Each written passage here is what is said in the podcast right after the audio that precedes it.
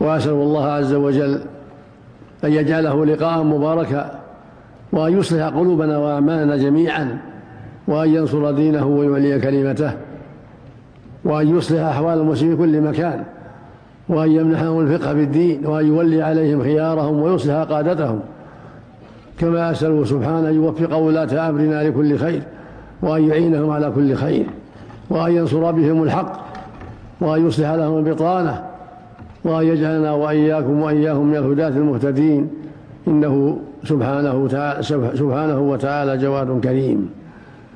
أيها الإخوة في الله إن الله عز وجل إنما خلق الخلق ليعبد وحده لا شريك له. لم يخلقهم سدى ولا عبثا وإنما خلقوا ليعبدوا الله رجالا ونساء. قال تعالى وما خلقت الجن والإنس إلا ليعبدون.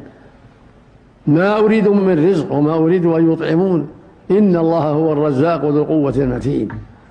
وهذه العبادة التي خلقوا, خلقوا لها قد أمرهم بها جل وعلا. فقال سبحانه يا أيها الناس اعبدوا ربكم الذي خلقكم والذين من قبلكم لعلكم تتقون. وبعث بها الرسل عليهم الصلاة والسلام. فقال تعالى ولقد بعثنا في كل أمة رسولا أن يعبدوا الله واجتنبوا الطاغوت. قال عز وجل وما أرسلنا من قبلك من رسول إلا نوحي إليه أنه لا إله إلا أنا فاعبدون. قال تعالى أيحسب الإنسان أن يترك سدى؟ أي مهملا معضلا لا يؤمر ولا ينهى كلا. قال تعالى منكر على المشركين أفحسبتم أنما خلقناكم عبثا؟ أفظننتم هذا الظن. فالله إنما خلق الخلق ليعبد إنما خلق الخلق ليعبد وحده لا شريك له. وهذه العبادة هي دين الإسلام. هي الإيمان والهدى. هي التقوى والبر. هي توحيد الله وطاعته. هذه العبادة. سماها الله إسلاما فقال تعالى إن الدين عند الله الإسلام. وسماها إيمانا فقال يا أيها الذين آمنوا آمنوا بالله ورسوله. وسماها هدى فقال تعالى ولقد جاءهم من ربهم الهدى. وسماها برا فقال تعالى ليس البر أن تولوا وجوهكم قبل المشرق والمغرب ولكن البر من آمن بالله واليوم الآخر والكتاب والنبي ولكن البر من آمن بالله واليوم الآخر والملائكة والكتاب والنبيين الآية. وسماها تقوى فقال تعالى يا أيها الناس اتقوا ربكم. يا أيها الذين آمنوا اتقوا الله. فهذه العبادة التي خلق العباد لها جنهم وإنسهم هي تقوى الله. هي دين الله هي الإسلام هي الإيمان والهدى هي توحيد الله وطاعته. فالواجب على جميع المكلفين أن يعبدوا الله وحده كما خلقوا لذلك وذلك بتوحيده والإخلاص له والإيمان به وبرسله والإيمان بكل ما أخبر الله برسول ورسوله من أمر الآخرة والجنة والنار والحساب والجزاء وغير ذلك والإيمان بملائكة الله وكتبه وبرسله واليوم الآخر وبالقدر خيره وشره. هكذا الدين الذي بعث الله به العباد الذي بعث الله به الرسل وخلق له العباد. توحيد الله وطاعته إيمان به وبرسله والاستقامة على دينه. فالواجب عليك يا عبد الله وعليك يا أمة الله الإيمان بالله ورسوله. تحقيق هذا الإيمان بتوحيد الله وطاعته واتباع رسوله صلى الله عليه وسلم وأداء فرائضه وترك محارمه والوقوف عند حدوده. هذا هو دين الله. وهذا هو العبادة التي أنت مخلوق لها. وهذا هو الإسلام والإيمان. إن الدين عند الله الإسلام. قال تعالى اليوم أكملت لكم دينكم وأتممت عليكم نعمتي ورضيت لكم الإسلام دينا. قال تعالى ومن يبتغي غير الإسلام دينا فلن يقبل منه. وهو في الآخرة من الخاسرين. وقال النبي صلى الله عليه وسلم بني الإسلام على خمس شهادة أن لا إله إلا الله وأن محمدا رسول الله وإقام الصلاة وإيتاء الزكاة وصوم رمضان وحج البيت. ولما سأله جبرائيل عليه الصلاة والسلام الإسلام قال يا محمد أخبرني عن الإسلام. قال الإسلام أن تشهد أن لا إله إلا الله وأن محمدا رسول الله وتقيم الصلاة وتؤتي الزكاة وتصوم رمضان وتحج البيت. إن استطعت إليه سبيلا. قال صدقت. قال أخبرني عن الإيمان. قال أن تؤمن بالله وملائكته وكتبه ورسله واليوم الآخر وبالقدر خيره وشره. قال صدقت. قال أخبرني عن الإحسان.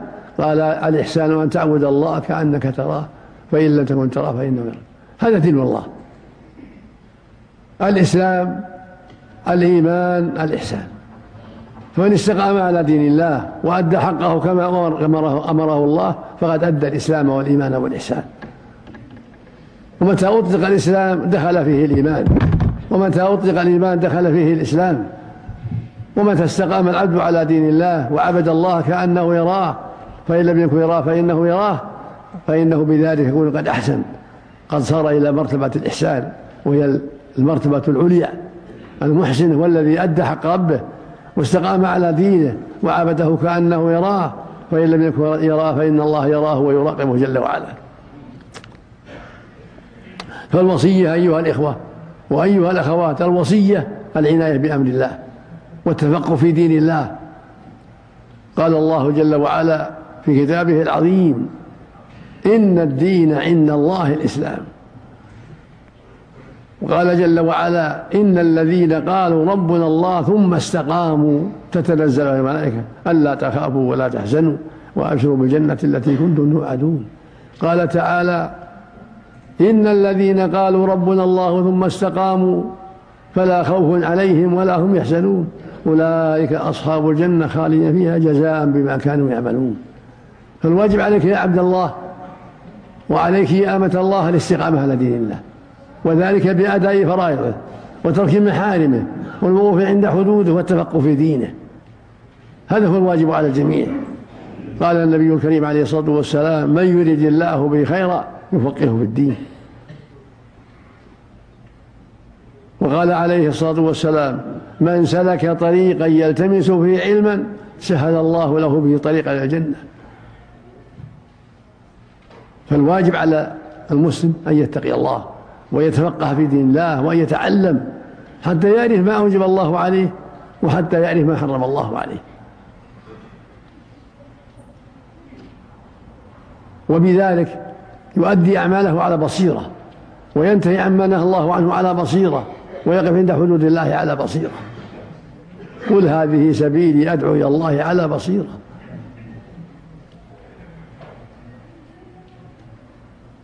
والقرآن هو أصل كل خير. فيه الهدى والنور. فيه بيان كل ما يحتاجه العباد. قال تعالى إن هذا القرآن يهدي للتي هي قال تعالى قل هو للذين آمنوا هدى وشفاء. قال تعالى يا أيها الناس قد جاءتكم موعظة من ربكم وشفاء لما في الصدور وهدى ورحمة للمؤمنين. قال تعالى ونزلنا عليك الكتاب تبيانا لكل شيء وهدى ورحمة وبشرى المسلمين فكتاب الله فيه الهدى والنور فيه الدلالة على ما فرض الله وما نهى الله عنه فيه الدعوة إلى مكارم الأخلاق ومحاسن الأعمال فيه الترهيب من سيء الأخلاق وسيء الأعمال. فالوصية أيها الإخوة أيها الأخوات بالله الوصية العناية بالقرآن. والإكثار من تلاوة الإكثار من تلاوته ومن تدبر معانيه والعمل بما فيه. يقول النبي صلى الله عليه وسلم من قرأ حرفا من القرآن فله بحسنة والحسنة بعشر أمثالها. ويقول عليكم بهذا القرآن فإنه يأتي اقرأوا القرآن فإنه يأتي شفيعا لأصحابه يوم القيامة. ويقول صلى الله عليه وسلم يدعى بالقرآن يوم القيامة وبأهله الذين كان الذين كانوا يعملون به في الدنيا تقدمه سورة البقرة وآل عمران. كأنهما غمامتان أو غيايتان أو فرقان من طير صفاف صواف تحاجان عن أصحاب الشبل ويقول النبي صلى الله عليه وسلم القرآن حجة لك أو عليك. إن حجة لك إن عملت به وعليك إن ضيعت ولم تعمل به. والسنة تفسر القرآن وتبينه. فالواجب أيضا العناية بسنة الرسول صلى الله عليه وسلم فإنها الوحي الثاني وهي المفسرة للقرآن والدالة على ما قد يخفى من معناه كما قال الله سبحانه وأنزلنا إليك الذكر لتبين لتبين للناس ما نزل إليهم. يخاطب نبيه محمد صلى الله عليه وسلم يقول وأنزلنا إليك الذكر يعني يا محمد لتبين للناس ما نزل إليهم. ولعلهم يتفكرون. فهو المبين ما بينه الله. الرسول يبين ما قد يخفى من كتاب الله. ويبين ما هو مطلق بقيده وما هو مجمل بتفصيله وما هو عام بتخصيصه. كل ذلك بينه الرسول صلى الله عليه وسلم في سنته الصحيحة. فعلى المسلمين جميعا جنهم وإنسهم عليه ان يتقوا الله. وأن يعبدوا الله وأن يستقيموا على دينه وأن يعملوا بكتابه وسنة رسوله عليه الصلاة والسلام. وأن يتواصوا بهذا وأن يتعاونوا على البر والتقوى. هذا هو الواجب على الجميع. يقول الله عز وجل وتعاونوا على البر والتقوى ولا تعاونوا على الإثم والعدوان ويقول سبحانه والعصر. إن الإنسان لفي خسر إلا الذين آمنوا وعملوا الصالحات وتواصوا بالحق وتواصوا بالصبر أقسم بالعصر وهو الزمان الليل والنهار. هو الصادق وإن لم يقسم سبحانه وتعالى لكن لعظم الأمر. قال والعصر إن الإنسان لفي خسر. يعني جميع أنواع الإنسان في خسر. إلا الذين آمنوا وعملوا الصالحات وتواصوا بالحق وتواصوا فالناس بخسران جن إنسهم. إلا الذين آمنوا وعملوا الصالحات وتواصوا بالحق وتواصوا أقسم الله على هذا. هو سبحانه الصادق وإن لم يقسم. قال جل وعلا ومن أصدق من الله حديثا ومن أصدق من الله قيلا. والله يقسم من خلقه بما يشاء لما فيها من لما في مخلوقاته من الدلالة على عظمته وأنه رب العالمين. فأقسم بالذاريات بالطور بالنجم بالليل إذا غشى بالسماء ذات البر إلى غير ذلك. لأنها مخلوقات دالة على أنه رب العالمين وأنه الخلاق العليم وأنه مستحق لأن يعبد جل وعلا. أما المخلوق فليس له أن يحلف إلا بالله. العبد ليس له أن يحلف إلا بربه. لقول النبي صلى الله عليه وسلم من كان حالفا فليحلف بالله أو ليصبر. ليس لك أن تحلف بغير الله. وقال النبي صلى الله عليه وسلم من حلف بشيء دون الله فقد أشرك. وقال أيضا صلى الله عليه وسلم من حلف بغير الله فقد كفر وأشرك. وقال صلى الله عليه وسلم من حلف بالأمانة فليس منا. وقال لا تحلفوا بآبائكم ولا بأمهاتكم ولا بالأنداد ولا تحلفوا بالله إلا وأنتم صادقون. فالواجب على المؤمن أن يحذر الحلف بغير الله.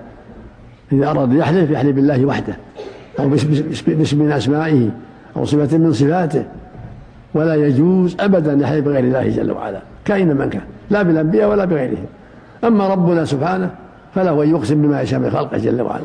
لا أحد يتحجر عليه. ولهذا قال جل وعلا والسماء ذات البروج والسماء والطارق والليل إذا يغشى. وقال في هذه السوره العظيمة والعصر. هذه السوره العظيمة. والعصر إن الإنسان لفي خسر.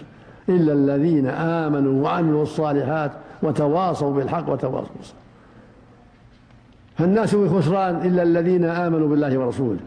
آمنوا بالله ووحدوه خصوه بالعبادة. وعملوا. وحدوا الله. وعملوا بمعنى لا إله إلا الله. معناها لا معبود حق إلا الله. وعملوا بشهادة أن محمدا رسول الله. فشهدوا أنه لا معبود إلا الله. شهدوا أنه لا إله إلا الله. أي لا معبود حق إلا الله. وشهدوا أن محمدا عبد الله ورسوله. عبد الله ورسوله. ثم انقادوا للعمل. فوحدوا الله. وخصوه بالعبادة. وابتعدوا عن الشرك به جل وعلا. واتبعوا رسوله صلى الله عليه وسلم وساروا في نهجه واستقاموا على دينه. ومن ذلك المحافظة على الصلوات في الجماعة فإنها عمود الإسلام. وهي الركن الثاني من أركان الإسلام.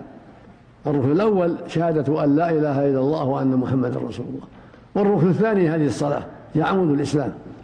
فالواجب على كل مؤمن أن يحافظ عليها وهكذا يجب على كل مؤمنة المحافظة عليها في وقتها الفجر الظهر العصر المغرب والعشاء هذه عمود الإسلام. رأس الأمر الإسلام وعموده الصلاة يقول النبي صلى الله عليه وسلم ويقول صلى الله عليه وسلم بين الرجل وبين الكفر والشرك ترك الصلاة. ويقول صلى الله عليه وسلم العهد الذي بيننا وبينهم الصلاة فمن تركها فقد كفر. فأمرها عظيم. فالواجب المحافظة عليها والعناية بها والتواصي بها. الرجل يصليها في الجماعة والمرأة تصليها في بيتها مع الخشوع مع الطمأنينة مع العناية مع إحضار القلب. يقول جل وعلا حافظوا على الصلوات والصلاة الوسطى. ويقول سبحانه وأقيموا الصلاة وآتوا الزكاة واركعوا مع الراكعين. ويقول جل وعلا وأقم الصلاة إن الصلاة تنهى عن الفحشاء والمنكر. ويقول جل وعلا فخالف من بعدهم خلف أضاعوا الصلاة واتبعوا الشهوات وسوف يلقون غيا. يعني عذابا بعيدا شرا عظيما فالواجب على جميع المكلفين من الرجال والنساء أن يتقوا الله وأن يراقبوا الله وأن يستقيموا على دينه وذلك بالإيمان به وبرسوله وتخصيص الله بالعبادة والإيمان برسوله واتباعه عليه الصلاة والسلام والحرص على أداء الفرائض وترك المحارم. وأعظم الفرائض وأهمها بعد الشهادتين الصلوات الخمس. ثم الزكاة. حق المال ثم صوم رمضان ثم حج البيت مع الاستطاعة.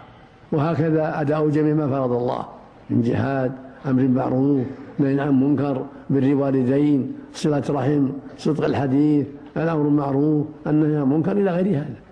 المؤمن والمؤمنة هكذا. يلزمهما القيام بأمر الله وأداء فرائض الله. قال تعالى والمؤمنون والمؤمنات بعضهم أولياء بعض يأمر بالمعروف وينهون عن المنكر ويقيمون الصلاة ويؤتون الزكاة ويطيعون الله ورسوله. أولئك سيرحمهم الله. إن الله عزيز حكيم. هذه صفة المؤمنين والمؤمنات. هذه أخلاقهم. أولياء فيما بينهم. أحباء والمؤمنون والمؤمنات بعضهم أولياء بعض. كل واحد ولي أخيه وأخته في الله. يحب كل واحد لأخيه الخير ولأخته الخير. يكره لهما الشر. يأمر بالمعروف وينهى عن المنكر. هكذا المؤمنون والمؤمنات. مع المحبة في الله ومع الولاية يأمر بالمعروف وينهون عن المنكر ويقيمون الصلاة ويؤتون الزكاة ويطيعون الله ورسوله. قال تعالى أولئك سيرحمهم الله بأعمالهم الطيبة وابتعادهم عن محارم الله وعدهم الله بالرحمة التي منها التوفيق في الدنيا والسعادة والجنة في الآخرة.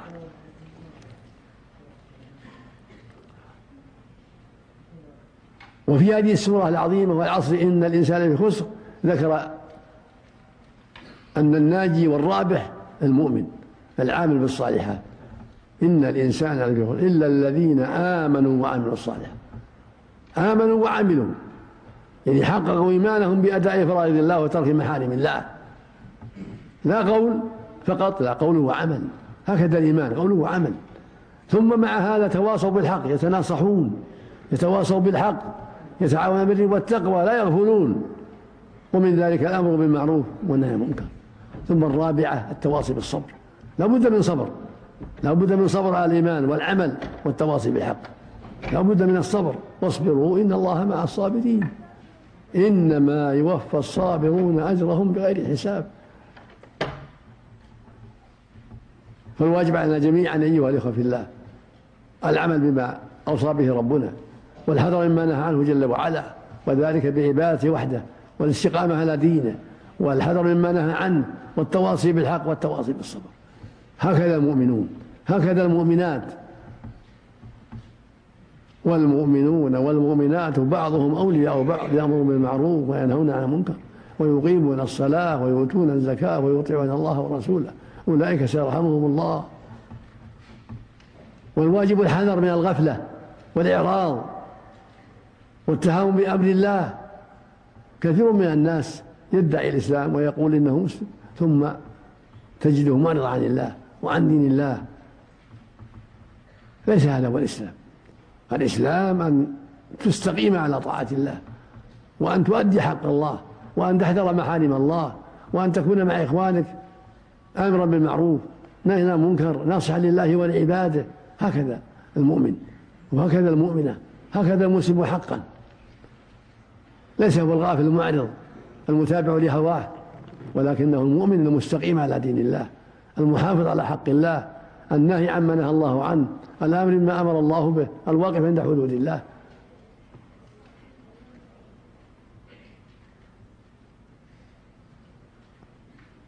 والله المسؤول أن يوفقنا وإياكم للعلم النافع والعمل الصالح وأن يمنحنا وإياكم الفقه في دينه والثبات عليه ويجعلنا وإياكم من عباده الصالحين الذين ذكرهم بقوله إلا الذين آمنوا وعملوا الصالحات وتواصوا بالحق وتواصوا بالصبر. ومن عباده المذكورين في قوله سبحانه والمؤمنون والمؤمنات بعضهم أولياء بعض. يأمر بالمعروف وينهون عن المنكر ويقيمون الصلاة ويؤتون الزكاة ويطيعون الله ورسوله. نسأل الله جل وإياكم منهم وأن يعيدنا وإياكم من شرور أنفسنا ومن سيئات أعمالنا. إنه جل وعلا جواد كريم. وصلى الله وسلم وبارك على عبده ورسوله نبينا محمد وعلى آله وأصحابه